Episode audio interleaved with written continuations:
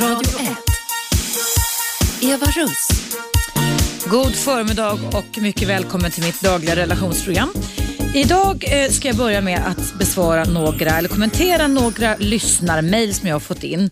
För du vet ju att du alltid kan höra av dig till mig antingen per telefon 0200 11 12 13 eller per mail och då är mailadressen eva radio1 gmail.com. Eh, lite senare idag så under mitt två timmars pass här så kommer jag få besök av en man som jag lärde känna på ett ganska intressant sätt för lite mer än ett halvår sedan som ska berätta om sina upplevelser kring att vara invandrad till Sverige och att eh, leva i samexistens med eh, eh oss här hemma i Sverige. En fantastiskt trevlig man som är på väg in hit om en liten stund. Men jag ska börja med att prata då om, kommentera ett mejl ifrån Åke. Står så här, nej Stefan är det, förlåt, Stefan. Det står så här, hej Eva. Ja, du har rätt. Jag ändrade min livsstil helt själv. Men det handlar ju om att förändra beteende och att se det själv, vad jag gör, vad jag ska göra. Tänk efter före, gärna planera det och sätta av tid. Gör man det så blir man smal. Jag gick ner 30 kilo på ett, 30 kilo på ett halvår.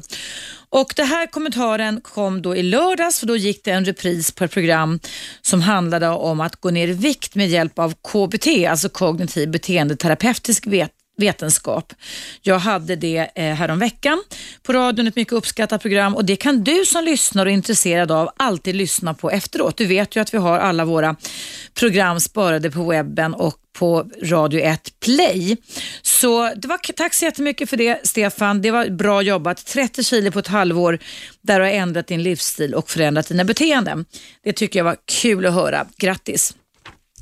Sen har jag ett annat mejl här som kommer ifrån en flicka som skriver så här, Luna. Hej Eva, först av allt tack för ett jättefint program på Radio 1. Det är oväntat och hjärtevärmande att höra någon som är genuint engagerad och alltid försöker ta de som kontaktar dig på allvar, även om de låter oseriösa. Jag vet, vet inte om mitt, program, mitt problem är relevant för något program framöver, men jag är tacksam om du har något svar att ge mig. Och Nu ska jag då skriva, läsa upp vad problemet som Luna har. Det står så här skriver hon så här. Historien är att jag smådejtade en kille för tio månader sedan och han är fortfarande kvar emotionellt i min hjärna. Jag förstår inte varför. Eh, jag minns till och med i början att det var ett tag då jag var orolig att han skulle vilja ha mer än att bara ses och ha sex ibland. Men sen vet jag inte vad som hände. Jag fick känslor, ville lära känna honom mer och jag agerade tvärt emot jag någonsin gjort. Jag visade aktivt att jag ville träffa honom och var öppen med att jag tyckte om honom när vi sågs. Och då tillägger jag då till Lunas mejl, jättebra gjort, jättebra gjort. Ska vi få någonting så måste vi ibland syna våra beteenden och göra lite andra alternativa strategier. Sen fortsätter Luna så här. Det som hände sen var att han blev ihop med en annan tjej och jag fick reda på det genom att han ändrade förhåll, för, förhåll, förhållandestatus på Facebook. Detta var dock som sagt över ett halvår sedan, men jag är fortfarande emotionellt fast i denna person. Och Sen skriver Lona här att hon är ingen stalker och hon står inte utanför hans hem. Hon kastar inte hemlösa katter mot hans fönster. Hon är inte galen. Men, men hon kan ändå inte låta bli och hindra sig ifrån att han dyker upp i hennes tankar varje dag, bokstavligen varje dag. Så långt är, är, tror jag nog att många kan känna igen sig, att ibland så kan vissa människor göra ett emotionellt, alltså ett känslomässigt avtryck, men sen och det är det jag vill kommentera, så fortsätter Luna så här i sitt mejl. Men ändå dyker han upp i mina tankar varje dag. Jag anar att just nu är han i min hjärna, mest för att påminna mig hur sämst och värdelös jag är och att ingen kommer någonsin tycka om en. Intellektuellt förstår jag att jag ska acceptera att jag aldrig kommer träffa någon som verkligen älskar mig.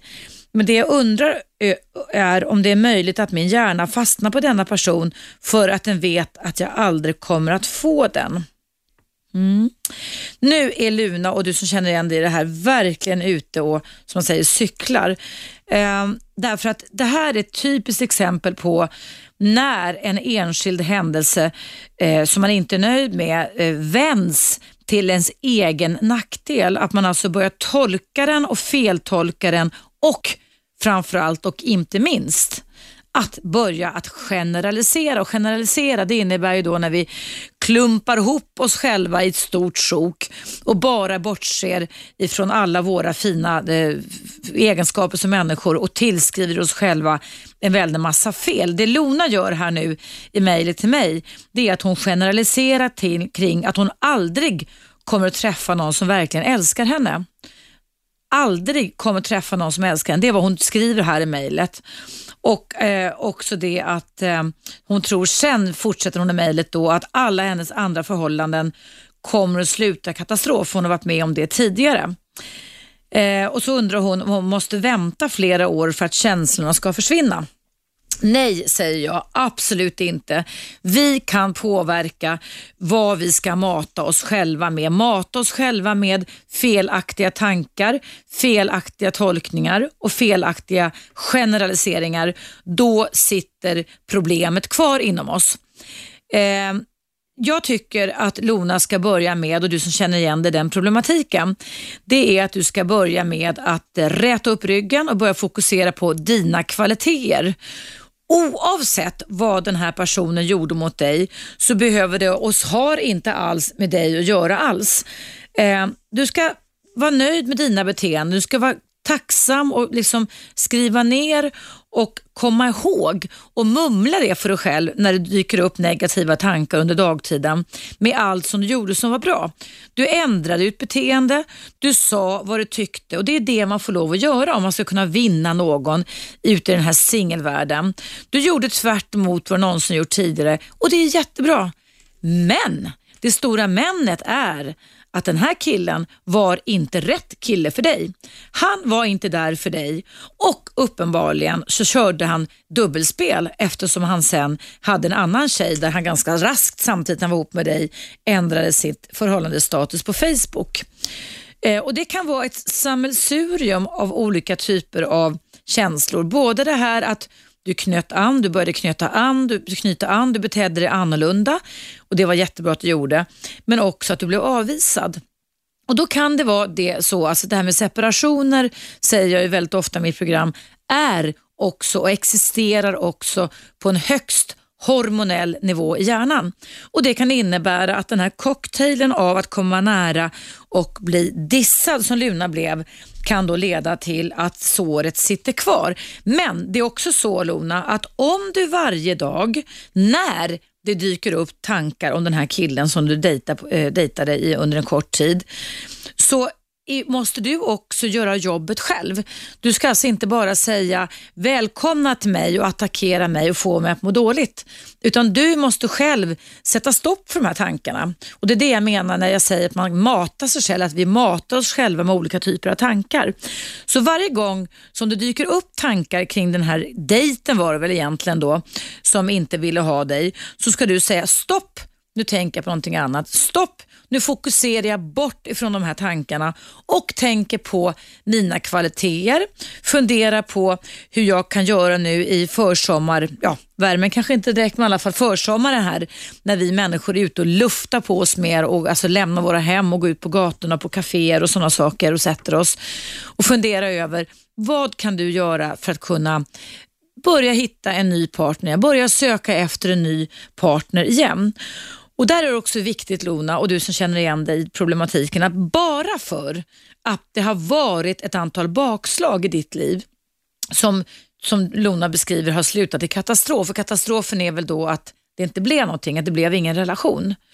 Så är inte det alls liktydigt med att man ska fortsätta och använda dåtiden till att generalisera all framtid. Det är ett utmärkt sätt, på ett negativt sätt, att skapa sig en depression. När man generaliserar negativt om sig själv, om sina, sina relationer till andra och framtiden, då bygger du på att skapa dig en depression. Så därför så gäller det att kunna sätta stopp för när tankarna kommer och omfokusera, tänka på andra saker, säga till dig själv, gjort är gjort, jag gjorde bra saker, den här killen var inte mogen för mig. Eh, men du har inte gjort något fel och det är där du måste ändra din slutsats och tolkning kring dig själv. För just nu så gör du dig till en förlorare i dina egna ögon bara för att en kille just då inte var mogen för dig. Och jag kan berätta för dig Luna och alla ni som känner igen er i det här att om jag som person, jag är 55 år gammal nu, om jag skulle sitta och ältat alla mina misslyckade relationer, äktenskap eller andra smällar som man går på i livet, då hade jag nog eh, inte suttit här idag. Då hade jag varit djupt deprimerad. Men jag har tränat mig själv till att faktiskt egentligen släppa allt som är dåligt som redan har hänt. Kalla det för Gjort är gjort. Jag kan inte ändra på det som redan har hänt. Och ju mer jag ältar det och tillåter negativa tankar kapa min hjärna så finns det stor risk för att jag blir deprimerad. Jag kan till och med minnas, om jag tänker alltså 10, 15, 20 år tillbaka, så kommer inte jag ihåg smällar som jag har gått på, för jag har inte gjort dem så viktiga. Men däremot är det viktigt emellanåt att lära sig någonting av det här. Och Lona som mejlar mig här idag har ju faktiskt lärt sig att ändra sitt beteende, men att den här killen inte var mottaglig, det är en annan sak. Men det betyder inte att Lona ska dra ut ett kvitto kring sig själv och tro att hon är värdelös, oälskbar och sen att generalisera och tro att eh, det här är hennes bestraffning och just bara för att det var en enskild liten ynka dejtinghändelse så tror Lona då att från och med det så kommer det innebära att ingen någonsin kommer att finna henne älskbar. Nej Lona, och du som känner igen det, sluta med det här. Sluta generalisera, bygg en Berlinmur, en kinesisk mur mellan det som har varit och det som är just nu. Fokusera inte så mycket på framtiden utan försök att leva i nuet. Fundera varje dag som går vad du kan göra, hur du kan göra för att kunna ge dig ut på datingmarknaden igen. Och eh, du, Dina känslor kommer att försvinna när du sätter stopp för tankarna. För det är så jag säger i mitt program här att tankar påverkar känslor och känslor påverkar tankar.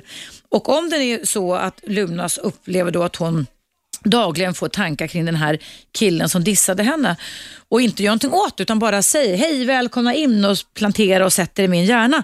Då sitter de ju kvar. Så det handlar om att göra ett aktivt jobb, att välja bort och inte acceptera att bli matad med dysfunktionella negativa tankar. Omfokusera, tänk på någonting annat, dra en egen slutsats som är en fördel till dig själv. Vad tycker du om den här killens beteende? Hur tyckte du att du uppförde dig? Och Det har du även skrivit i mejlet att du gjorde bra ifrån dig. Då är det den versionen du ska hålla fast vid. Punkt. Åsikter.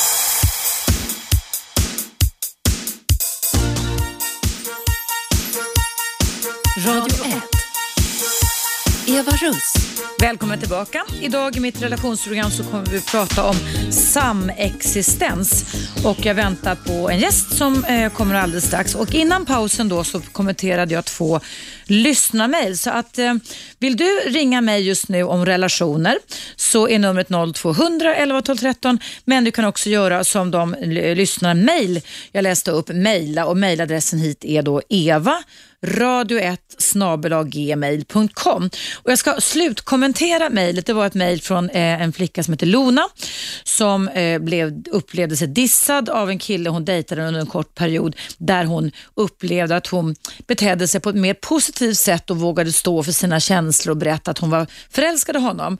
Men han dissade henne och valde en annan och det har då lett till att Lona då har börjat eh, generalisera, hon feltolkar, hon går och matar sig själv och tror att hon ska acceptera att ingen någonsin kommer att älska henne för en enda ynka liten dejt som inte ville ha henne. Och Det är en djungel där ute när man ska dejta någon.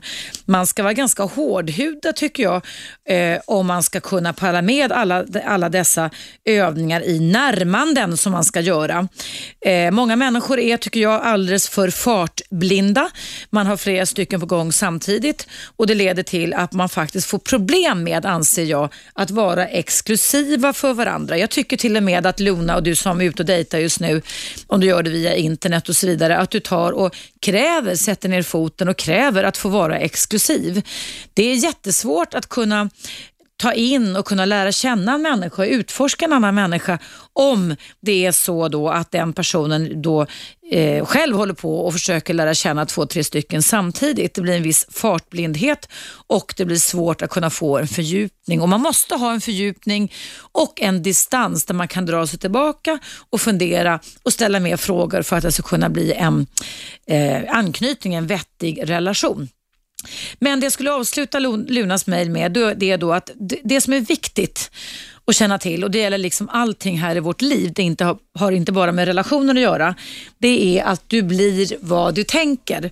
Och Det är väldigt, väldigt viktigt att du tänker på det. För det som Lona gör, det är att hon alltså varje dag går in och matar sig själv med en massa dysfunktionella tankar kring sig själv. Så därför är det jätte, jätteviktigt att vi varje dag när vi alltså vaktar våra tankar och ser till att vi eh, bestämmer oss för vilka tankar är det som är bra för mig, vilka tankar är det som inte är bra för mig. Och sen faktiskt jobbar på att försöka omfokusera och bli av med de tankarna. Så du blir vad du tänker är väldigt, väldigt, väldigt viktig aspekt kring detta. Det var nog kring detta och nu har, eh, har jag besök här i studion. Det verkar vara krångligt där med stolarna. Det är det någon stol som... Ja. ja, precis. Nu kom mitt efterlängt. Nu ska vi se här Ina. Den, eh, det är den då. Den. Ja, där. Sådär. Underbart. Välkommen ja. hit. Det Tack var, välkommen tack. hit. Tack ska du ha, eh, Sabri, eh, heter du Sabri? Sabri Isho, ja. Sabri Isho, vi pratar om Sabri. Och det är så kul att du kunde komma hit. Kan du vara kvar här ända fram till klockan 12? Ja, visst. Underbart, vad fint. Jag har gjort lite förhandsreklam om dig, för jag sa att vi träffades på ett väldigt speciellt sätt. Om du sätter på dig lurarna också. Ja. Att du och jag lärde känna varandra i vintras på ett väldigt speciellt sätt. Ja, precis. Eller hur? Jo, det var det. Minns du hur det gick till? Jo, jo det var det. Ja. Du hade tappat dina nycklar. Ja, precis. I, i, snö, i, i snöstormen. Ja, det var det också. Och ja, du kom så snabbt som möjligt att köra dig till din son att hämta ner Ja, vi åkte över halva stan och skulle ja, leta. Det var, det, var alltså, det var väl någon gång i januari, februari när det var en riktigt rejäl snöstorm precis, på kvällen. Precis, och, och jag skulle gå ut med min hund ja. och tappade, jag skulle slänga sopor samtidigt så att någonstans på vägen så tappade jag mina nycklar innanför porten. Ja, och exakt. i mitt hus så kommer man inte in om man inte har en sån här nyckel, alltså en sån här blopp, bricka, som, en bricka. Så där stod jag i snöstormen utan telefon, inga pengar, inga nycklar med mm. hunden. Mm. Och jag kände mig som lilla flickan med svavelstickan. Jag tänkte, ska jag vandra hela natten här? Ja, men, men då hittade alltid dig... finns någon räddare. Ja, det fanns ju en räddare. Det var ju ja. du Sabri. Så jag hoppade in i din taxi och ja. frågade om du utan att jag hade några pengar på mig och kunde köra mig till min son. Ja, visst. Och sen fick jag låna din mobil också ja. och ringa honom. Ja, oh ja. det är klart. Och, och då har ju vi lära känna varandra ganska bra. Ja, vi körde vi runt en timme nästan tror jag i Stockholm. Exakt, ja. ja det det. Och då så fick jag ditt kort och då tänkte jag så att när, då jag berättade att jag jobbar med radio, du ska berätta vem mm. du är alldeles strax. Ja. Och då tänkte jag så här, ah, men den här trevliga mannen finns det säkert anledning att kunna ta, ta med mitt radioprogram någon gång. Ja, det går bra också. Det, tack ska du ha i alla fall. För ja, men jag tycker det var roligt, så jag sparade ja, det, ditt visitkort och nu är ja, du här igen. Ja, det är bra. Varmt ja. välkommen. Ja, tack ska du ha. Eh, berätta Sabri vem du är och var du kommer ifrån. Ja, ja jag heter Sabri Isho och Isho betyder Jesus i mitt språk, eh, assyriska eller aramaiska språket. Mm. Och jag är från Irak. Jag är född i norra Irak, Zaho som är gränsen till Turkiet. Okay. Exakt. Mm. Och eh, jag studerade där hela eh, till gymnasium. Sen fanns ingen universitet. Jag åkte till Bagdad och studerade eh, Academy of Fine Arts, eller konst. Jag läste teater. Ah, teater. Ja, teater. Ja, Fyra år efter gymnasium och mm. sen eh, samtidigt jobbade jag på radio och TV i Irak, i Bagdad. Vad gjorde, Men, du, vad gjorde du där för någonting? Jo, det var mitt, på mitt språk, som eh, minoriteternas språk, radioprogram. Mm. Och, och jag gjorde allt möjligt till sista året jag var chef till avdelningen också. Men jag jobbade som hallåman, som mm. programledare, som regissör. Ja, jag skrev mycket också. Du, hur länge sedan var detta Sabri, som du jobbade med det? Jag började uh, 73 mm. till mm. 79. Okay. Då flyttade jag till Sverige. Ja. Hur kom det sig att du flyttade till just Sverige? Ja, du vet när man jobbar på media, då är det mycket att, att prata om och göra och allt det där. Och, och, men jag fick inte göra det som jag ville på mm. radio och mm. TV. Mm. Och när vi gjorde någonting som var utanför regimens ehm, möjligheter eller vilja, Mm. då var det förbjudet för oss. Mm. Och jag fick problem av det faktiskt. Jag var inte fri och sedan jag är inte arab, men jag måste säga mitt eh, nationella arabiska nationen. Eller, Mm.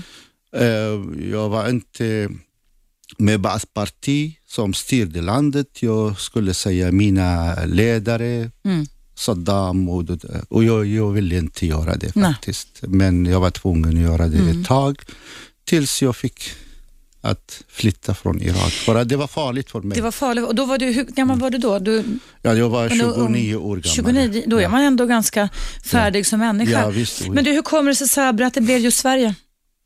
Ja, Jag hade, jag hade läst mycket om Sverige och jag hörde om Sverige som demokratiskt land och som friland. Och sen, jag hade en syster som kom före mig, ett år före mig till Sverige. Mm.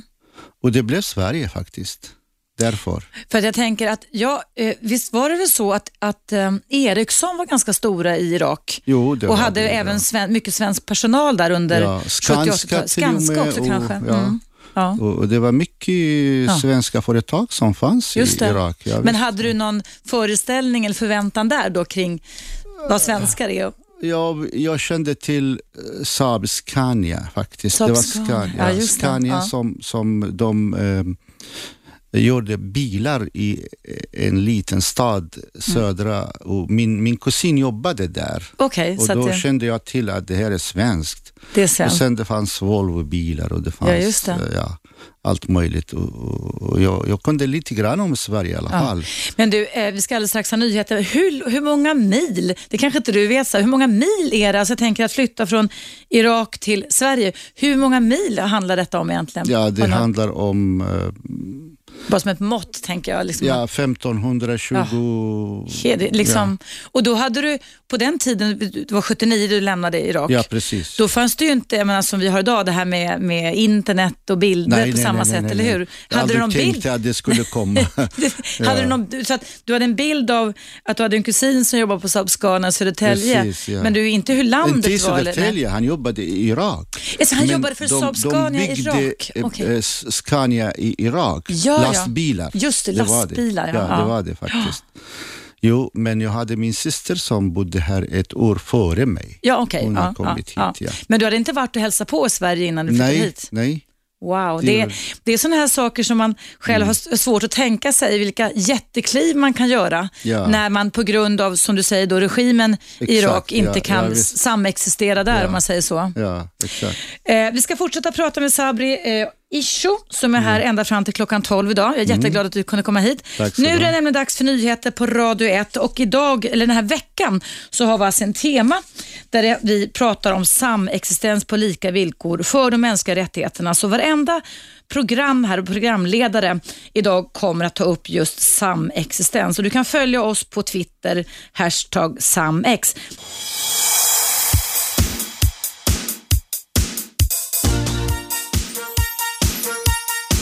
Radio 1. Eva Russ. Hej och varmt välkommen tillbaka till mitt dagliga relationsprogram. Idag har jag en gäst och det är Sabri Isho. Hej Sabri! Hej, hej. Du, du kommer ifrån norra Irak och har bott i Sverige i drygt 33 år.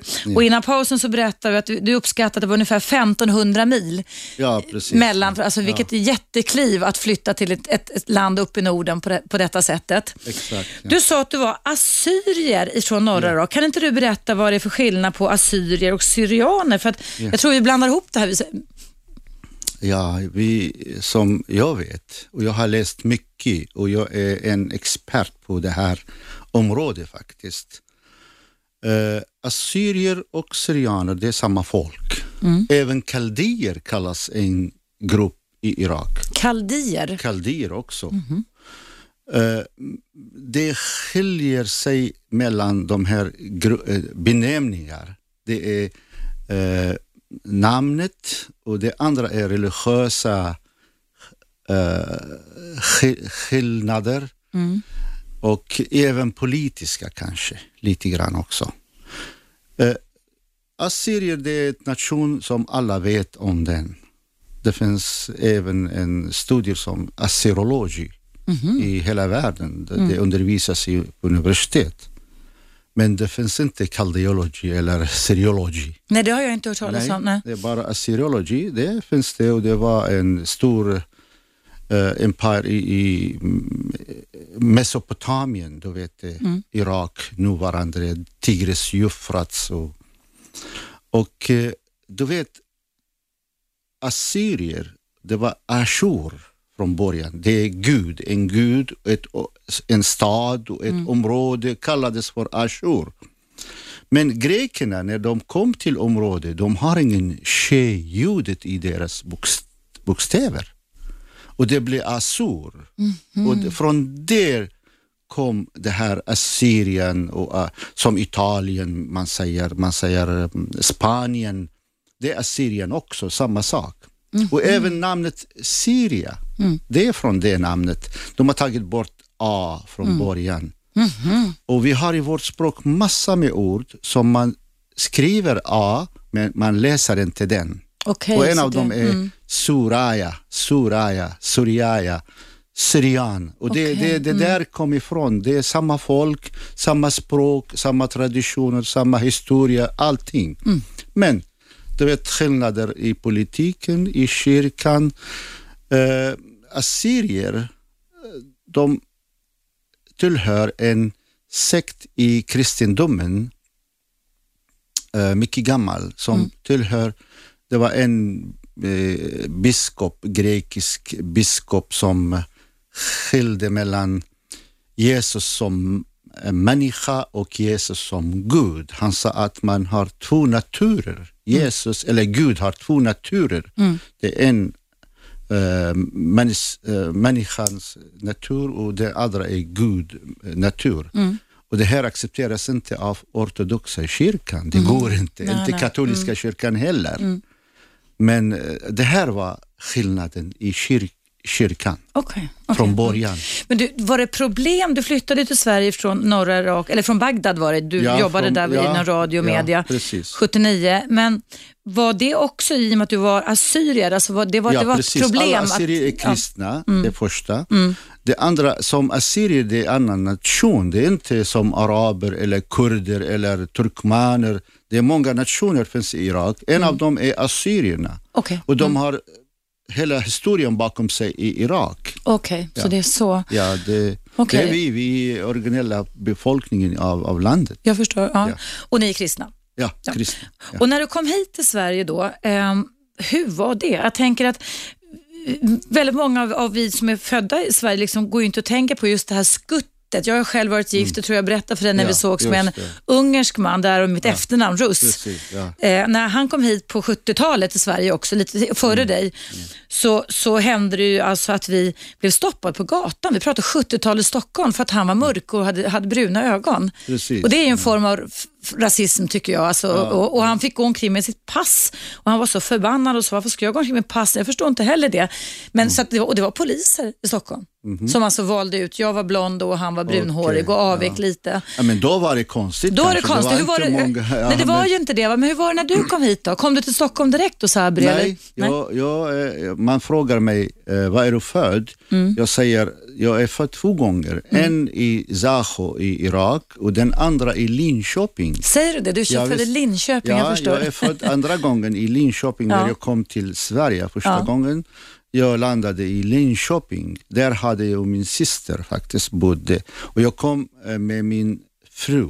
Ja. Jag, var, jag gifte mig precis i Irak Mm. och sen kom efter en vecka till Sverige. Och det var i Linköping. Okej. Men eh, det var många invandrare i Linköping faktiskt. Det fanns det. Det fanns var det, mm. iranier, du vet det är stud, eh, students eh, stad. ja, just det. Mm, ja, Där finns universitet och allt det där. Och det var många invandrare där. Och det, Vi- vi- jag märkte ingenting. Nej, vil, vilken tid på året kom du? Vilken årstid kom du till Sverige? Jag kom i, det var oktober månad. Okej, mm. Ja, det var oktober månad. Men eh, du vet, eh, många säger, hur kan du leva här? Det är kallt, det är Nordpolen i alla fall. Ja. Men, men jag är från norra Irak och i norra Irak vi har snö, vi har kallt, vi har minusgrader, vi har allt. Så du känner igen klimatet kan man precis. säga här. Det var ingen stor... var inga nej. problem för mig. Nej, Nej. nej, nej. Mörkret då? Har ni det mörkt i norra var, Irak också? eller? Mörkt, det är inte så mörkt som här. Mm. eh, Så långt. Nej, det är inte det. Nej. Nej. Men eh, det blir mörkt Mm. också på natten. Du, du, du var nygift, du kom hit och din fru är också, var också assyriska då? ja, eller? var assyrier. Hur påverkar det er relation? Jag tänker det här att man lämnar en, ett tryggt, en trygg hamn, inte ett tryggt land, det var inte ett Ja. tryggt land för Nej, er, men, nej, men- eh, och ja, liksom visst. bara ge sig ut 1500 mil till Ja, Sverige och dimpa ner i Linköping. Ja. Hur påverkade det er? Hur påverkade en relation? Var det ett vi-beslut ni tog eller var det du som fick ta beslut och hon fick hänga med? Nej, det var vi beslut faktiskt. Det var vi båda två tog den här beslutet att eh, flytta till Sverige. Mm. Hade, men hon, hon hade ingen relation till Sverige? Nej, hon Nej. hade ingen relation, men hon, hon ville också komma ur landet Mm. Irak faktiskt. Så det var det som eh, uppmuntrade, uppmuntrade mig att komma till Sverige, det, eller hjälpte mig att komma till Sverige och komma ut ur landet. Mm, mm. Så eh, hur gick det första tiden här för er i Sverige då? Var ni länge i Linköping då eller? Ja, vi nästan bodde i Linköping två år. Nästan. Mm. Vad var det första ni fick göra? Var det att lära sig språket? Eller, alltså, hur gick det till? Jag tänker, ta, kom man 1500 mil och dimper ner liksom, en helt annan, en helt annan kultur, så vad börjar man med, med, att, med anpassningen? Liksom? Jo, det var... Ursäkta. Eh, man börjar läsa språket, Mm. men det var inte riktigt läsning i, i skolan eller någon institution eller någon. Det var ABF Mhm. som undervisade som kurser för oss, gruppundervisning. Mm.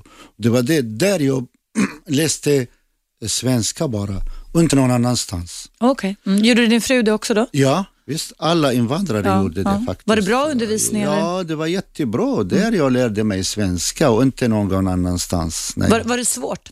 Svårt Jo, språk tycker jo, du? Det? det var svårt, men jag kunde engelska mm, äh, lite grann i alla fall. Men äh, då hjälpte mig mycket.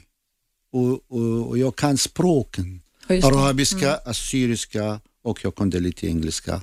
Och då blev det lättare för mig äh, lära mig Mm. Ja. språket. Ja, just det. Precis. Så att det, Ja. det, men jag tänker ändå, man är ju ändå en färdig människa lite när man är 29-30 år Ja, visst. Ja, gammal. det- alltså, det är en stor, man, man, vi tror att det är så enkelt, men det, är- det är en stor omställning. Och jag tänker även du och din fru, Mm. skulle ni träna er på att prata svenska med varandra då också när ni kom hit? Eller? Uh, att inte, träna va? med varandra, nej. Nej. det var svårt att träna och sen ehm, det var svårt också att umgås med svenskar direkt. Det var inte... Varför det? Ja, jag vet inte. Vi hade vårt samhälle eh, i, i, i svensk samhället. I, i Linköping? I att säga. Linköping, ja. Och, Ja. Och, och vi om, umgicks med varandra bara.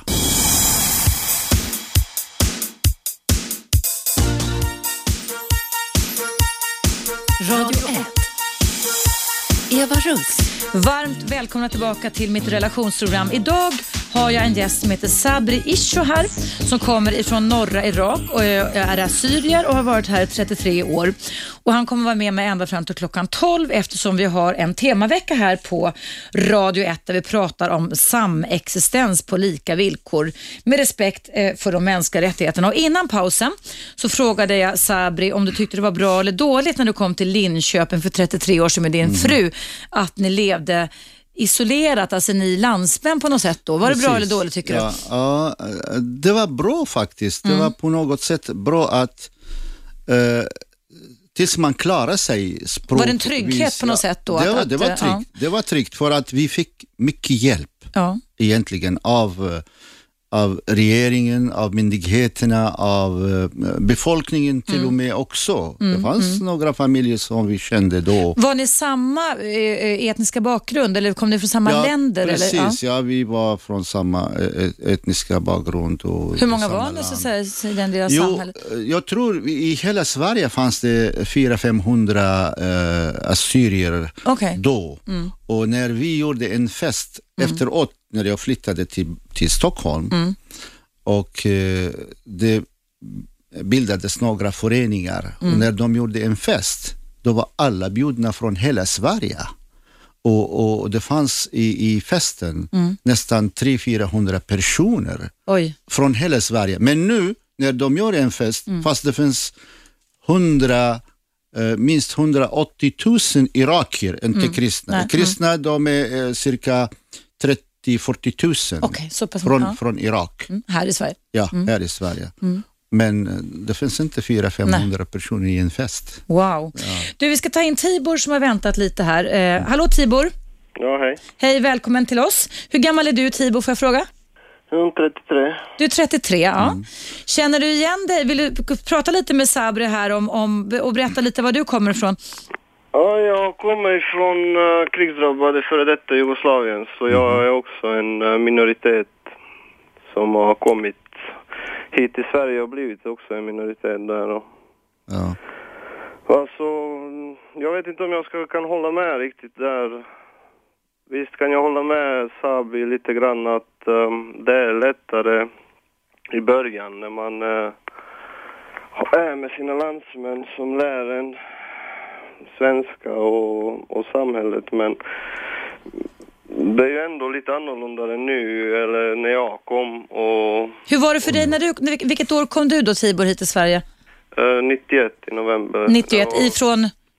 Ifrån uh, en liten ungersk del av eh, Serbien då min pappa var desertör från Okej. kriget så jag var 14 år gammal då. Kom du ensam eller kom du med någon släkting? Nej, jag och pappa vi flydde. Alltså, vi tänkte inte stanna egentligen han, utan han tog ju långledigt från jobbet för vi trodde att kriget skulle blåsa över snabbt. Så, och, men det gjorde det ju aldrig. Utan man fick ju vänta sex år i flyktingförläggningen. Sex år i flyktingförläggning, det är väldigt Ja. lång tid. Sen blev vi utvisade men samtidigt kom ett beslut att vi skulle få stanna. Ja. Jo, lite skillnad, om, om jag säger lite skillnad mellan dig och mig när vi flyttade till Sverige, då det var ingen krig i Irak faktiskt. Det var bästa tiden i Irak. Men jag kom för politiska skäl. Det, det var orsaken att jag flyttade till Sverige då. Inte någon krig, men sen blev det krig i Irak. Krigen inte ett krig bara, många krig faktiskt. Iran-Irak-krig, Kuwait-Irak-krig, amerikanska krig, allt de här. Och, och det blir mycket, som jag sa, 180 000 minst irakier finns i Sverige. Och, och det är skillnaden att du kom från krig hit och, eh, men därför det var svårt här när du fick inte eh, inte uppehållstillstånd.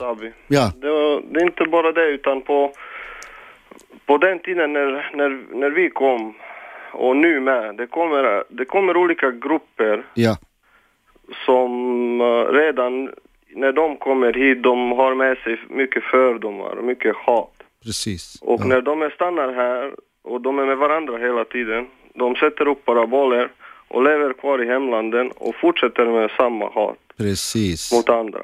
Ja, exakt. Och det, är det, jag har sett i många grupper och det spelar ingen roll, jag kan också prata många språk. Mm.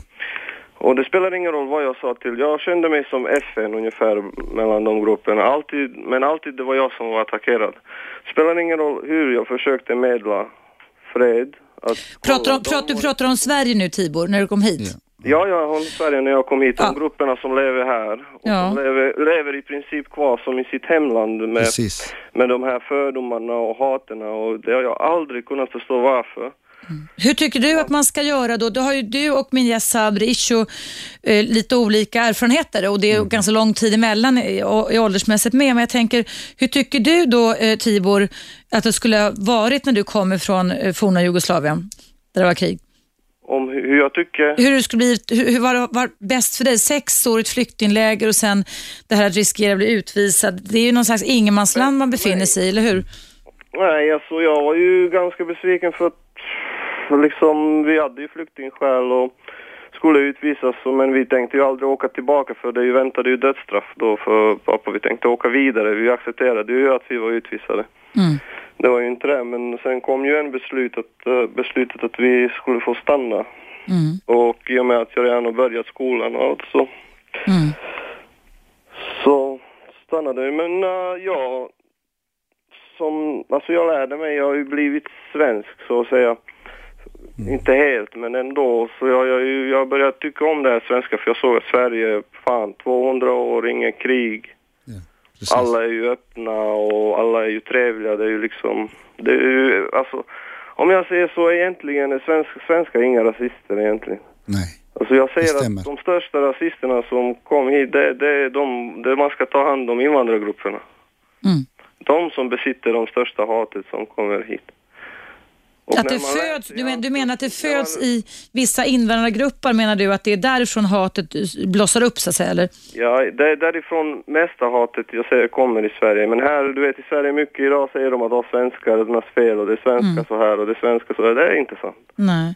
Det är Ha- bara att skylla ifrån sig. Vad, vad tror du om det Sabri? Håller du med Jo, Tidrund? eller? jag håller till 100 procent faktiskt. Och jag, jag sa till dig att det, det har inte märkt någon rasistisk eh, eh, märken här i, i Sverige. Själv, jag har bott här 33 år nu och jag har inte märkt någonting faktiskt. Tvärtom, jag, ser- jag ser numera det blev bättre och bättre eftersom det som vann på slager eh, det var en, en marockansk Verb, Ja. Ja.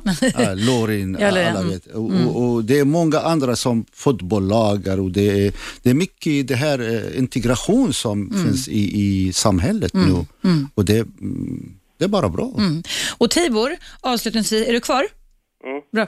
Jag tänker, vad tror du, för att det här med hat, det får även du Sabri komma till. Vad är det som gör då att det här hatet blossar upp, som du säger då Tibor, du har märkt, i, bland invandrargrupper som liksom lever tillsammans? Vad, vad, vad, Det är ju det här, jag tror inte utan jag vet. Jag brukar säga, alltså de sitter ju redan där. Alltså det, det, det mycket kommer också från religionen och mycket från kulturerna. Och från den konflikten de har haft eh, i hemlandet så kommer de ju hit. Och så sitter ju de här fördomarna kvar, du vet till- exempel mot USA och det rinner över på svenskar, på kristna eller motsatsen mot muslimer va. Och, eh, och det, det är ju mycket fel också att svenska staten tillåter det fortske. Alltså det, det är väldigt mycket statliga bidrag som går till sånt här, inte allt men som, som går till att uppmuntra hur då? liksom att det, att det ska fortsätta. Med vad då? Ja, jag säger att mycket, det är faktiskt sant att det är mycket av hatet och, och, och sån här nationalism, eh, vad man ska kalla det för, det sprids ju mycket från olika föreningar också. Det är ju så, det är både kristna och muslimska föreningar. Och Vad det säger du Sabri om Det det? det- det- han säger det är mycket riktigt faktiskt och det hatet kommer från eh, alla möjliga grupper som finns här i Sverige. De, de har tagit med sig sina problem hit. Ja, till exempel om vi tar eh, assyrier-syrianer till Södertälje, då är det konflikt där. Och det har inte med Sveriges samhälle att göra Nej. faktiskt. Det har inte det med Nej. dem att göra. Nej. Eller från Irak eh, kommer shiiter och sunniter eller kommer viss parti från Irak och en annan parti från Irak. Då har de konflikter därifrån men de hade flyttat till Sverige. Eh, och sen de har med sig det här. Och han säger uh, no, mycket viktigt grej som eh, man, man lever i eh, sitt kultur och samhälle fortfarande genom de här parabolerna som finns överallt. Där finns invandrare. Om du ser i ett hus eller en balkong finns fyra. Okej. eh, Är det bra eller dåligt då, Tibor? man, Och, man kan inte integrera hat.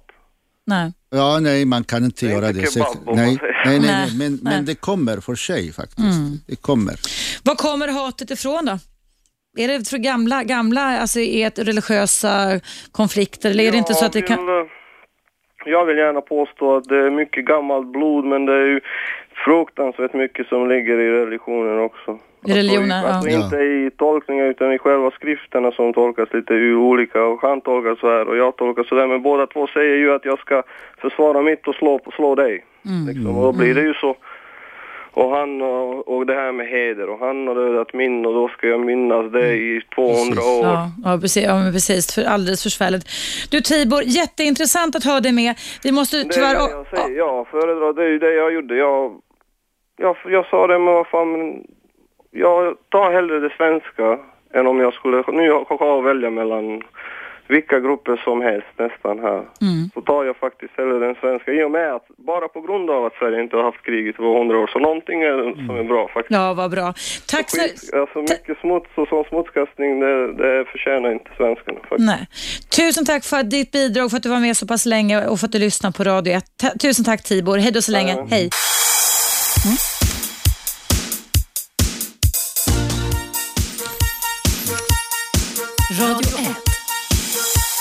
Eva Russ. Hej och mycket välkomna tillbaka. Idag och hela veckan rättare sagt så är det en temavecka här på Radio 1 som innebär att vi jobbar med positiv antirasismen där vi strävar efter att belysa och diskutera om hur vi kan skapa samhällen som präglas av samexistens på lika villkor med respekt för de mänskliga rättigheterna. Och min gäst idag här är Sabri Isho.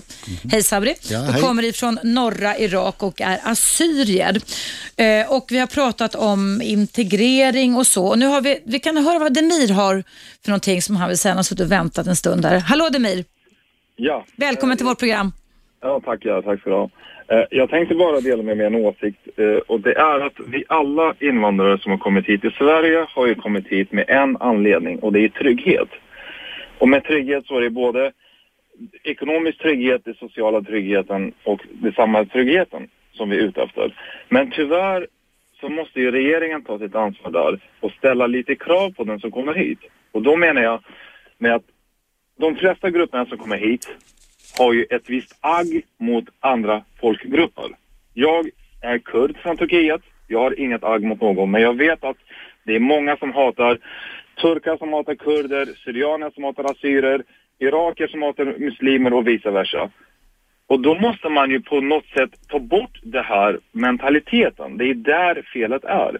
Men regeringen, tycker jag, tar inte sitt ansvar utan godkänner nästan att de får ha de här aggen kvar i sig. Och då är det omöjligt för de här att kunna, inter, alltså att kunna gå med in i det här svenska samhället. Mm. Vad säger du Sabri? Ja, jag tror med tiden det ska bli bättre. Jag tror det, det, tar, det går inte eh, på 10-20 år att eh, göra den här integrationen och eh, ändra samhället. Det går inte. Men jag tror andra, tredje generation, då blir det ändring säkert till 100 procent. Men Men jag- tills, till, tills dess, då är, det, då är det som du säger, exakt, det är farligt och då måste regeringen ta sitt ansvar för eh, integration på, på bättre sätt, bättre villkor och, och sätta krav på folk som kommer hit, som du säger. Jo, det Men jag, jag, jag, jag skulle gärna vilja säga det att vi måste ändå acceptera det att det är bättre i Sverige. För att om vårt land, om vår kultur, om vårt samhälle var bättre än Sverige, då hade vi inte kommit hit i början. Precis, Så därför, exakt. Så därför, och jag, har, jag kan säga det att jag möter ju massa människor i mitt yrke och de flesta är invandrare. Och det gemensamma nämnaren med de här är att de har ett visst agg mot Sverige och det har, det har jag aldrig förstått. För att det är de många som man pratar med säger att ja, det svenska samhället är si, det svenska samhället är så, det är många rasism. Men jag kan säga att jag har bott här i över 20 år. Jag har aldrig mött mer rasism hos invandrare än svenskar. Det är Jo. mer rasism hos oss. Och det kan jag säga att om man kommer då hit till Sverige med sina värderingar, självklart man ska hålla kvar vid sina rötter, det förstår jag. Men man måste släppa taget. Man kan inte gå runt i eh, traditionskläder för att det är ens tradition eftersom det går inte i det här nya samhället. Man måste ta emot de här nya lagarna och reglerna. Alltså mer flexibilitet och anpassning. Och det, det är Absolut. klart det är en sorg att släppa någonting som man är väldigt van vid givetvis. Men du menar att det är ett sätt att kunna, som du sa, ta bort, det tar tid. Ja. Och ta bort mentaliteten som, ja. Ja, och det är för att om det nu hade varit så att de här tankarna och reglerna och kulturen var bättre, då hade vi inte kommit hit. Nej. Det här är, det här är acceptans. Det är inte bättre det som vi har lämnat. Nej. Då måste man ta och vara lite mer flexibel och förstå den svenska kulturen och försöka att komma in i den svenska kulturen och uppfostra sina barn på det viset. Men att genom att bygga getton runt om i Stockholm och runt om i hela Sverige så, kan inte, så tar inte regeringen sitt ansvar och självklart så blir det stora klyftor. Och det är omöjligt att få de här folken in i arbetsmiljön eftersom de vägrar ju klä av sig eller att försöka komma in med det här nya och rätta ansiktet. Mm. Vad säger du Sabri? Jo, de det finns- Du har rätt, eh, eftersom det finns vissa områden som där blir det segregation istället av integration. Det är mycket invandrare som eh, bor i samma område och de har eh, deras föreningar, deras radio, deras allt finns i samma och de, de eh, lever i sitt hemland faktiskt fast, Fast de i är, Sverige, eller ja. fast de är i Sverige eller i Rinkeby eller i någon annanstans. Hur har du gjort då, eh, eh, Demir? Hur, hur har du liksom assimilerats och vävts in här i Sverige då? Jo, det, där kan jag säga, det var ju min pappa som flyttade hit först av politiska skäl. Och det första han sa till oss när vi flyttade till Sverige, och då var jag åtta år. Det första han sa till mig var, glöm inte dina rötter, men ta åt dig det svenska systemet, punkt slut. Jo. Visst, vi är muslimer. Han sa att visst, du är, behåll din religion, behåll din kultur, men var alltid öppen och var alltid demokratisk. Eftersom det bästa du kan göra är att bli bäst i samhället. Det vill Precis. säga, ju mer språk du lär dig, ju mer samhällsnyttande du lär dig, desto viktigare blir det i samhället. Istället för att gå och gömma bakom traditionen och kulturen och skylla på lite andra saker så måste man gå vara framåt hela tiden. Det var det han lärde mig. Och det har ju hjälpt. Och jag tror att det är det man behöver lära ut till folk.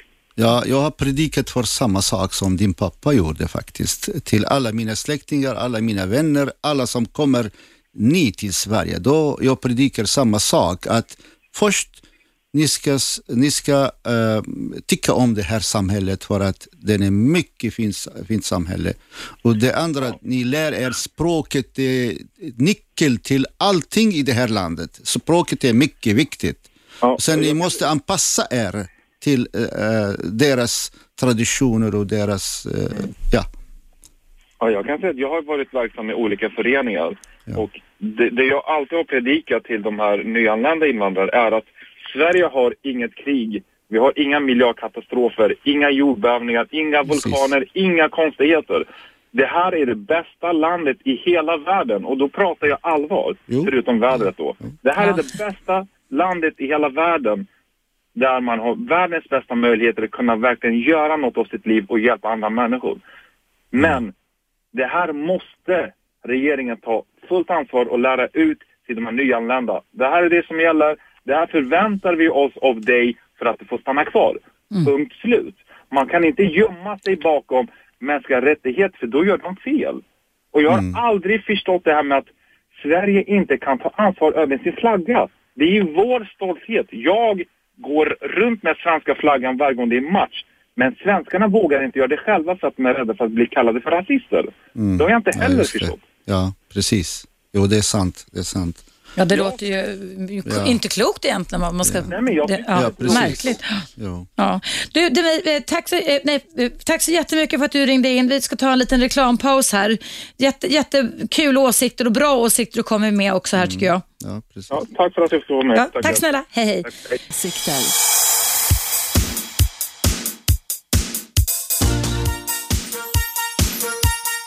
Radio 1. Eva Russ. Mycket välkommen tillbaka. Idag har jag en gäst som heter Sabri Isho. Hej Sabri.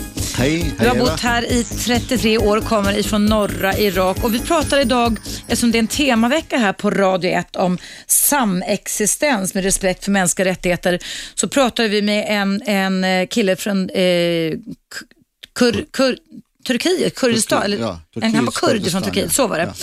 Eh, Och han sa ju, Sabri, att han tyckte att det lå- ålåg politiker här i Sverige att, som han sa, ta bort mentaliteten. Och då Mm. satt du och pratade här i pausen. Berätta vad du har upplevt kring detta med mentalitet, tidig mentalitet, vi och dem och indelning i grupptänkande. Så. Ja, det är många som är äldre människor som har kommit hit till Sverige. De behåller sina eh, mentalitet och, och tankar och allt det där. Om religion, om samhället, om allting. Och jag kan berätta ett exempel för det också. att eh, Min eh, fru jobbade på eh, dagis som barnskötare.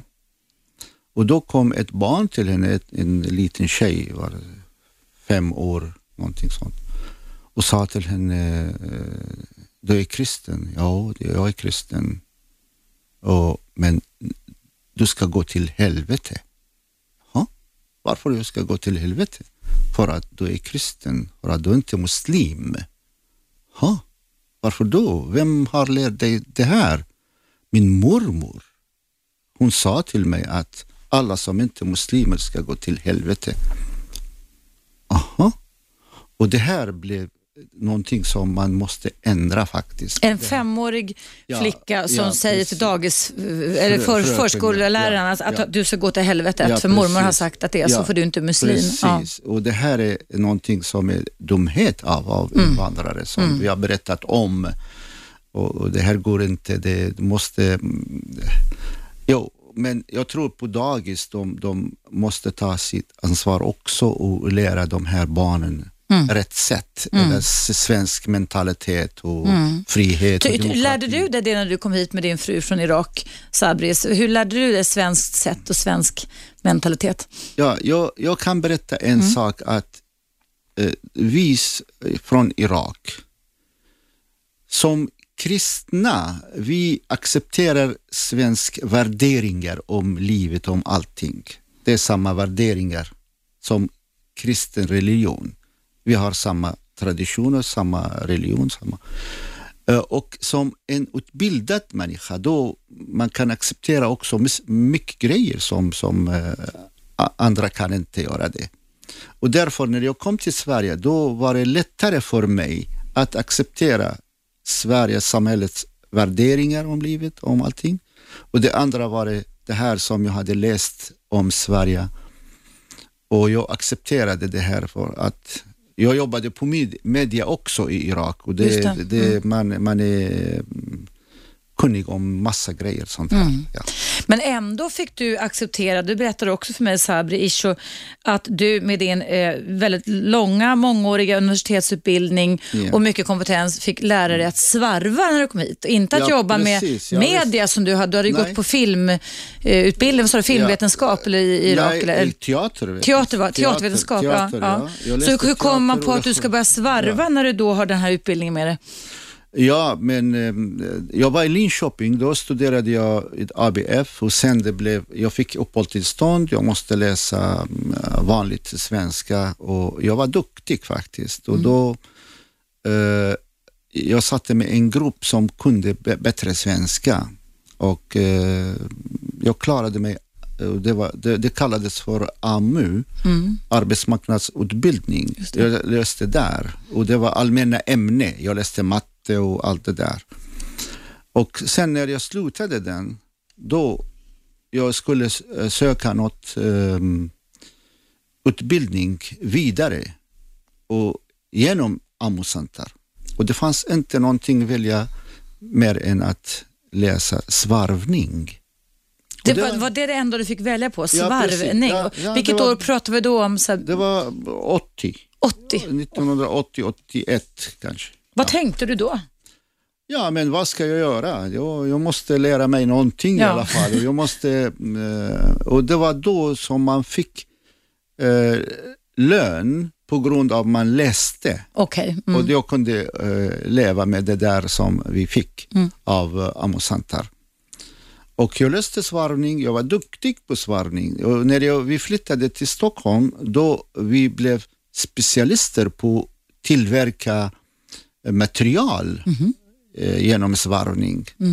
Men när jag var på Amosantar i Liljeholmen då, eh, fick jag läsa annons att de behövde en modersmålslärare, vakarie modersmålslärare på arabiska. Mm. Jaha, det är bra för mig faktiskt, jag ska söka. Och jag sökte arabiska modersmålslärare, vikarie, tio timmar och jag fick den. Och sen jag, jag sökte i annan kommun, Huddinge kommun också behövde någon, några timmar och jag började jobba som modersmålslärare i arabiska. Ganska raskt sen, sen du kom hit till Sverige, alltså från Irak. Ja, visst. Mm. Och sen jag träffade eh, min chef i, det kallades för, språk, nej inte språkcentrum, nu kallas för språkcentrum, Mm. invandrarenhet då. Hon sa till mig, vi behöver lärare i assyriska, varför du, du undervisar inte assyriska istället av arabiska? Arabiska finns många lärare, men assyriska vi har inte, vi behöver det. Och då jag sa, ja, det är jättebra för att jag är mycket kunnig på det här mitt modersmål och jag jobbade på radio, assyriska radio, det var på mitt språk. Och när jag gick till skolan, då visade det sig att de här eleverna är från Turkiet och Syrien, Turkiet mesta, och de talar annan dialekt som jag talade aldrig hemma. Men, Men du förstod den dialekten? Ja, ja jag förstod eh, till 90 procent i alla fall. Ja. Men inom två månader jag kunde lära mig eh, mycket bra, eh, eller det kallas för nu syrianska dialekt, eller västassyrisk dialekt jag kallar den. Och jag lärde mig och det, jag blev lärare i det språket tio år. Och nu jag undervisar östassyriska i skolor. Östassyriska och västassyriska. Ja, och nu ja. jag har jobbat 30 år som modersmålslärare faktiskt. Jag jobbar som modersmålslärare. Vad roligt. Ja, jag är har lektion då, klockan två idag. du har lektion klockan två då. Ja. Så går du runt då till skolor Sabri? Alltså, Ja. du, du, du, Jag har tio det, skolor. det är tio skolor här i Ja. I Stockholm, Stockholm man säger. Storstockholm eller? ja, Nej, i Stockholm I, kommun. I Stockholms kommun, ja. Men från Hässelby till uh, Wow. Skärholmen. Wow. Men du, vi pratar ju också lite om det här och det är precis det du beskriver just nu, Sabri Isho, Mm. som alltså är min gäst ända fram till klockan 12 idag, som kommer från norra Irak. Eh, Och du pratar ju om det här med assimilation, det gjorde du också Ja. när Demir ringde in. Du hade lite åsikter och synpunkter på precis. det. Ja, berätta eh, lite. Menar, eh, om, om du tittar på uh, distrikterna i Stockholm, då är invandrare koncentrerat i vissa samhällen. Det, det Rinkeby, Tensta, i uh, Fittja, i Södertälje, i Botkyrka. Men varför de finns inte i Östermalm, i Danderyd, i Lidingö, i Täby? I, det finns invandrare, men inte som finns koncentrerat i de här samhällen i Rinkeby, Tensta och Södertälje och sådär.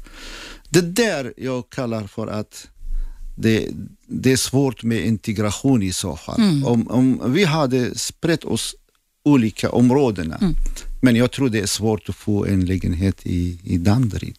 Eller? Har du, försökt, har du försökt någon gång Sabri? Nej, jag har inte försökt. Men, Mm. Har du haft vänner som har men försökt, varför eller? Ja. Mm. 30 år? Varför finns inte där? Nej, Säkert det är- många det- har försökt. Det, Säkert. precis, och, och, alltså, men det, det är nå- någon typ, och det kan vi väl efterlysa till de som lyssnar nu. Ja. Kan ni ringa in och tala om, om ni har erfarenheter kring det här med att det är vissa områden, i alla fall här i Stockholm, så i Stockholm då, som alltså inte är invandrarvänliga kan man väl säga, eller vad, vad kan man kalla det, det Sabri, eller vad, Ja, vad handlar det om? Man kan säga så faktiskt, men nu när, när man pratar ibland från Rinkeby, pratar svenska, det sägs Mm. för Rinkeby svenska eller Södertälje svenska.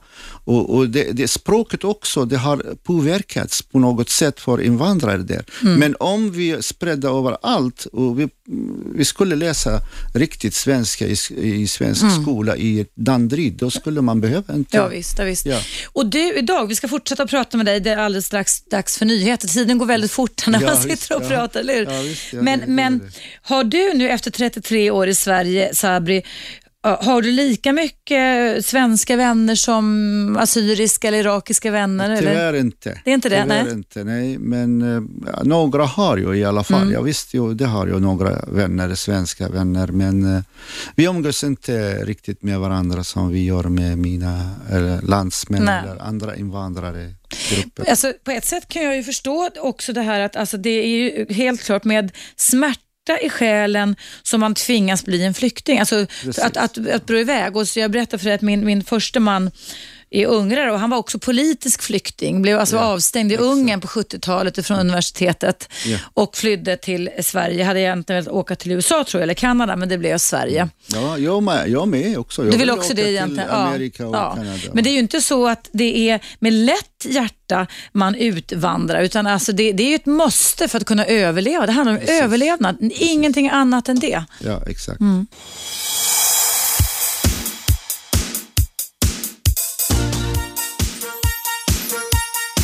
Radio 1. Eva Russ. Ja, mycket välkomna tillbaka till mitt eh, dagliga relationsprogram. Idag så har jag Sabri Isho här. Hej Sabri. Hej, Och hej du är med mig fram till klockan 12. Du har eh, utvandrat kan man säga på grund av politiska skäl för 33 år sedan från norra Irak. Ja. Och har assimilerats bra men har också en del synpunkter kring det. Och eh, under pausen här så ringde Josef in till oss och har suttit och väntat. Hallå Josef! Hej! Hej, välkommen till vårt program. Tack. Du är 26 år ung och vill ställa frågor till Sabri som är min gäst idag. Kör. Ja. Hej Sabri. Hej, hej Josef. Eh, jag har en fråga till dig Sabri. Eh, nu har jag bott här ungefär 26 år. Okej. Jag, jag har en vän som eh, också är samma land som jag, men eh, han går igenom så här socialbidrag och sånt. okej. Var kommer du ifrån, Jo- Josef? Jag, jag är från Irak. Vilket, vilken stad i Irak? Eh, från eh, Kufa. Kufa. Från Ahlisada. Okej. Ja, men du vet vad Sada är från. Ja visst, oh ja. Oh ja. Så jag har en kompis och han säger så här till mig att vi här i Sverige ska utnyttja dem ordentligt. Vi har ett jobb, vi har ett socialbidrag. Men när vi kommer hit till Sverige så är vi inte nöjda med dem, med Sverige. Då ställer jag en fråga till dem, varför är inte du nöjd med Sverige? Du är för det första med socialbidrag, du är för, för det första försäkringsbidrag, du får en bostad. Tänk om du skulle åka till ditt eget hemland. Nu, nu låter inte jag som rasistisk, men jag vill bara att du ska bara svara på min fråga varför vi är sådär egentligen, förstår du? Jo. Varför, varför är vissa människor sådär? Jag, jag kan inte acceptera. Jag är ju från eh, min Ahlul-Bet. Ja.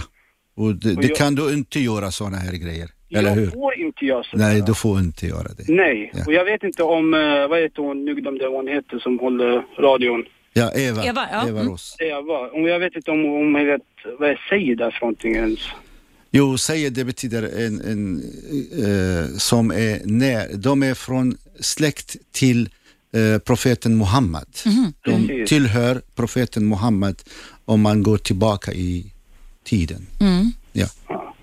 Men du, du vill fråga Josef eh, Sabris, ni är alltså landsmän kan man säga, Ja. fast från olika delar av Irak. Det är var, varför... Ja, olika delar, olika religioner, olika nationa, Så, nationaliteter. för du har stört dig på det Sa- eh, Josef, eller hur?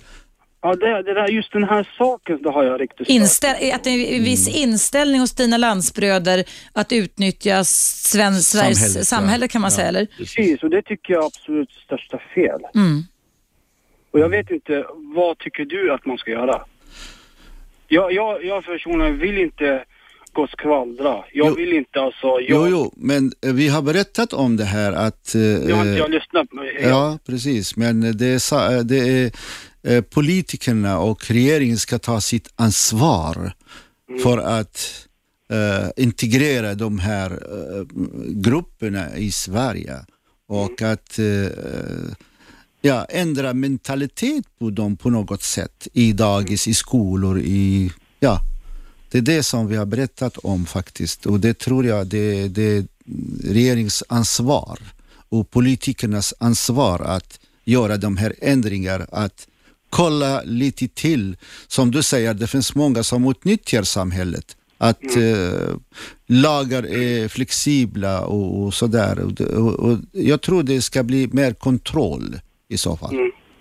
Men då har jag en fråga till dig. Ja, varsågod. Kommer regeringen lyckas med det? Eh, Jag tror inte det är svårt. Det är svårt för att eh, det beror på människor faktiskt. Det, det är någonting som eh, regeringen kan inte sätta polis för, för varje hus här i Sverige. Och det, ja, det, det är svårt men ändå, det, de ska uppfostra nya generationer. För, för ska, de ska inte utnyttja samhället på det sättet. De ska integrera sig med samhället här. Okej, du är muslim, du får över din, din religion hur du vill, inga problem. Du är fri. Men att utnyttja samhället på fel sätt, då är det fel. Och jag vet att du är eh, från Sada och du, du aldrig gör sånt här för att det, det kan du inte göra. Annars du är inte från Sada. Så, Nej, precis. ja. precis. Ja. Mm.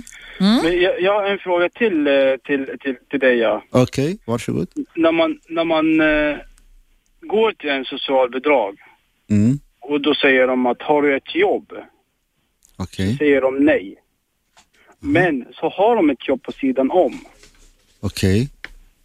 Hur, hur kan, alltså de jobbar i svart då. Ja, ja, visst. Och då är det svart. Du säger att det är svart. Precis. Men Ja. hur kan den social, socialhandläggare veta att Eh, Ahmed Abdullah, han heter, jobbar ju på svart men han tar ju bidrag av oss. Han får Ja. ungefär 16 000 kronor i månad. Är inte det fel?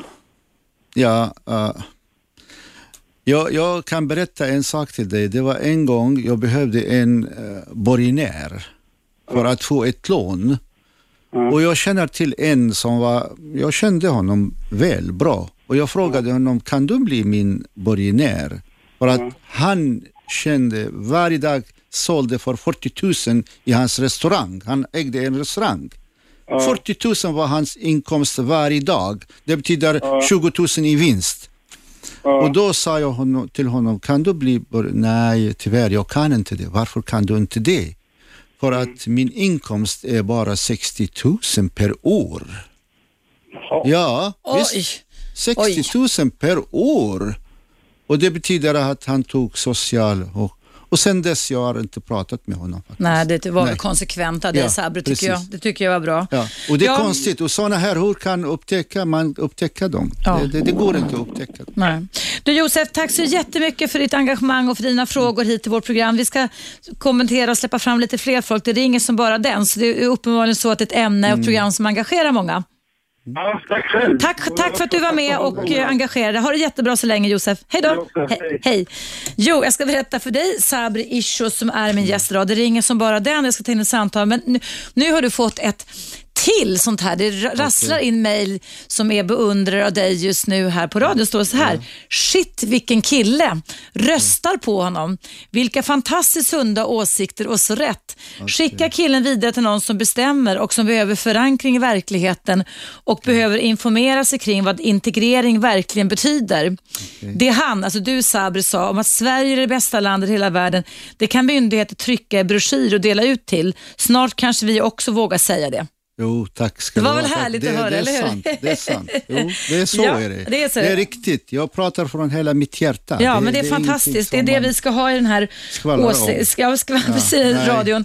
Du, eh, du, ska vi ta, ta ett kort samtal innan reklampausen Mm. får vi se. Det ringer som bara den. Vilka, jag har ingen aning om det Hallå, vem är där? Nej. Hallå, vem är där? Hallå, vem är där? Ja, hejsan, det är Mohammed. Hej Mohammed, välkommen till vårt program. Tack ska du ha. Jag vill hälsa på er gäst också. Ja, Mm, Sabri. Tack. Hej, hej, hej Mohammed. Ja, jo, jag är 23 år. Jag tänkte bara, eh, ibland kan det kännas att eh, de här invandrarna som kommer hit nyligen, de lär sig från invandrare som har kommit till Sverige tidigare att utnyttja systemet på det sättet. De har sett, ja, de tidigare har utnyttjat systemet på ett visst sätt. Så de lär sig från de nya. Vad tycker du om det här? Jo, faktiskt det finns många som utnyttjar samhället som du säger och de nya som lär sig av de gamla. Men Ja. inte av mig i alla fall, jag tror det. Nej. Men det finns vissa invandrare som kommer till Sverige. Egentligen innan de kommer till Sverige. De är i hemlandet, fortfarande de bor där. Men de har tänkt bestämt att flytta till Sverige. Ja. De kan mer än jag kan om Sverige och lag i Sverige. Ja. Jag, jag, jag känner till sådana här människor Mm. som man frågar dem, vad ska du å, å, åka till Sverige? Var ska du bo? Jag ska bo i Södertälje. Varför då? Mm. För att i Södertälje de ger eh, en bra bidrag. Där finns eh, lägenheter som man kan få. Det, eh, det är massa grejer som de känner till. Jag, jag känner inte till sådana här grejer Nej. faktiskt. Fast de är i Irak fortfarande. De har inte kommit hit än. Men det blir så. Och men om någon frågar mig, det ska jag aldrig acceptera någon att Acceptera. göra det här dumheten, att utnyttja samhället. Det är mitt samhälle, det är mina skattepengar. Vad har du märkt? Mohammed, var kommer du ifrån? Jag kommer från Iran. Iran, ja just det. Eh, Och, och, eh, men är, är du, kom du som liten hit då eller? Eh, Jag kom hit när jag var sju år, så på sätt och vis uppvuxen i Sverige. Men Ja, ja, ja. jag känner så att ibland när man hör så hör man ibland att folk utnyttjar fortfarande. De har ju varit här i Sverige mer än 20 år så står de fortfarande med socialbidrag och inte jobbar. Så, och de lär de nya som kommer till Sverige att ja, utnyttja. Ja. Men det är inte så många egentligen. Men ja, man borde ha förebilder så att man visar så här ska det ut. Ja, Ja. Kanske man kan få socialbidrag i början och sen när man kommer till arbetet då ska man jobba. Ja, precis. Ja. Ja, det var bara det. Tack, Tack, tack snälla Mohammed, tack för dina åsikter. Hej.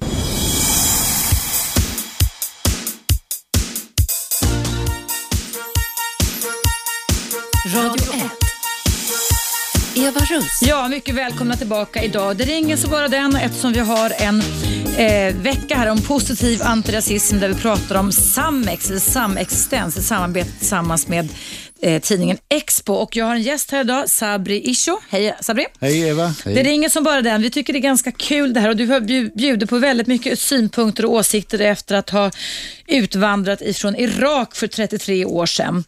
Eh, du har ar- jobbat där inom media, tv, radio, teater. Eh, du blev satt vid en svarv när du kom hit men nu jobbar du som modersmålslärare Ja, på tio precis. stycken skolor. Ja. Ja, visst. Eh, vi, har, vi ska prata en kortis här med Karim som har suttit och väntat. Hallå Karim! Ja, hallå, hej. Hej, välkommen till vårt program. Ja, hej, hej. Jo, jag tänkte säga om en sak. Att eh, som jag förstår att många skyller på invandrare som inte jobbar om de fuskar och sådana grejer också. Men eh, jag har stor erfarenhet. Jag säger att det, det, det är de som är högre upp, alltså de som är högre upp i samhället, de fuskar mest också. Inte, inte, inte de som är lägre istället. De kanske fu- fuskar några kronor eller, eller öre eller sånt.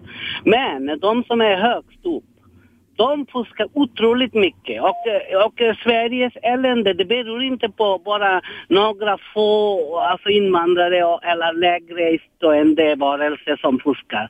Det beror på faktiskt att de stora, de höga bovarna, de fuskar. Det är det största problemet i Sverige. Ja, och sen är det en annan sak och eh, de som, eh, alltså om eh, invandrare och man pratar ofta om invandrare och svenskar. Det är också en bullshit. Det, det, det är egentligen de som har inte jobb, de har det problem faktiskt. Och sen det, det här vissa invandrare som vill kanske bo i Rinkeby eller Tensta eller sådana grejer.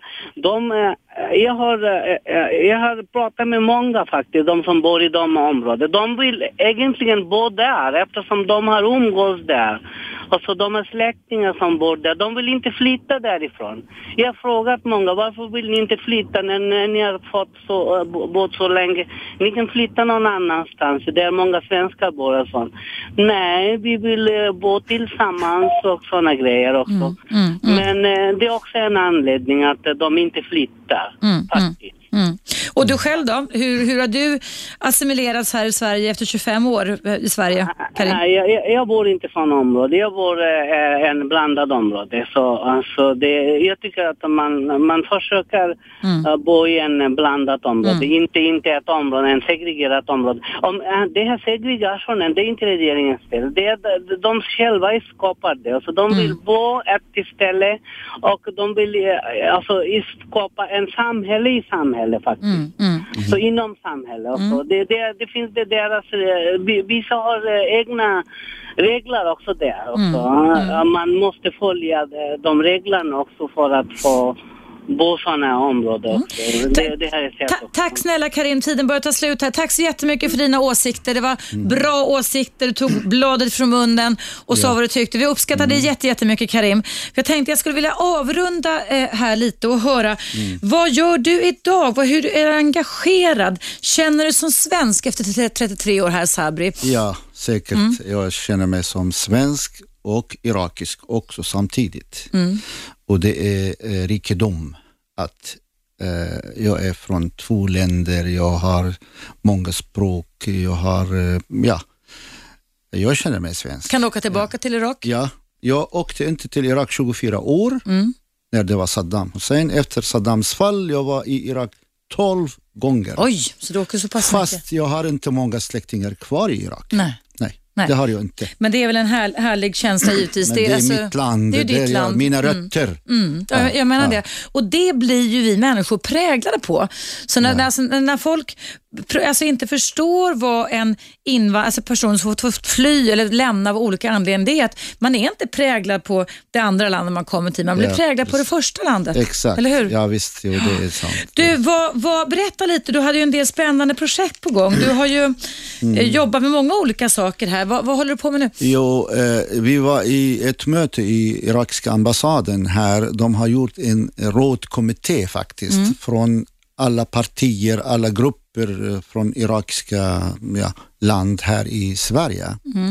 Och eh, vi har möte varje månad, en gång per månad med ambassaden och sådär. Och, och vi pratar om alla projekt, alla information som vi får in och ut. Från Irak, Ja, mellan från- Irak och Sverige. Ja, ja Mm. precis. Och idag klockan två är det utvidgning av eh, ett eh, center här i Stockholm, kulturella irakiska centret som eh, Markaz al-Saqafi al-Iraqi kallas den på arabiska eller irakiska. Och den ska vara i eh, Katarinavägen 19 i Slussen klockan Ska du vara där själv två. också? Jag ska vara jag är inbjuden. De har bjudit in alla som är med i det här rådet, i eh, kommitté. En person bara, det, det är inte många som det är du kommer. det, Och Sabri? det, ja, Ja. det är jag från eh, det, min grupp. som Och eh, det kommer kulturminister från Irak. Han ska inviga den här, det här centret. Och det ska bli mycket bra för att den är officiellt från Irak och det har diplomatiska status här i Sverige. Och det ska jobba för um, byte av kultur mellan Sverige och Irak. Och särskilt för irakiska invandrare, irakier som finns i, i Sverige. Och ja, det här med, med kontakter mellan länder också. Fantastiskt. Ja. Du, du sa det tidigare idag, men hur många uppskattningsvis irakiska eh, invandrare har vi här i Sverige? Ja, de, de som är födda i Irak, de är 150 000 som finns i Sverige. 150 000 de är födda i Irak. Men som de är inte födda i Irak, kanske 30-40 000 eller ännu mer. De är födda i Sverige, födda i andra länder, kom till Sverige och så. Och det är cirka 200 000 iraker finns i, i Wow. Sverige. Ja, Ja, visst. ja. Ja, det är... Du, ehm, avslutningsvis, ehm, eh, vi kan väl säga det också, Sabri Isho som har varit min gäst idag, att det här programmet kan du lyssna på i repris ikväll klockan 22 om du är nytillkommen lyssnare och vill höra alla de samtal och alla de åsikter som min gäst Sabri Isho alltså har meddelat och berättat om här idag.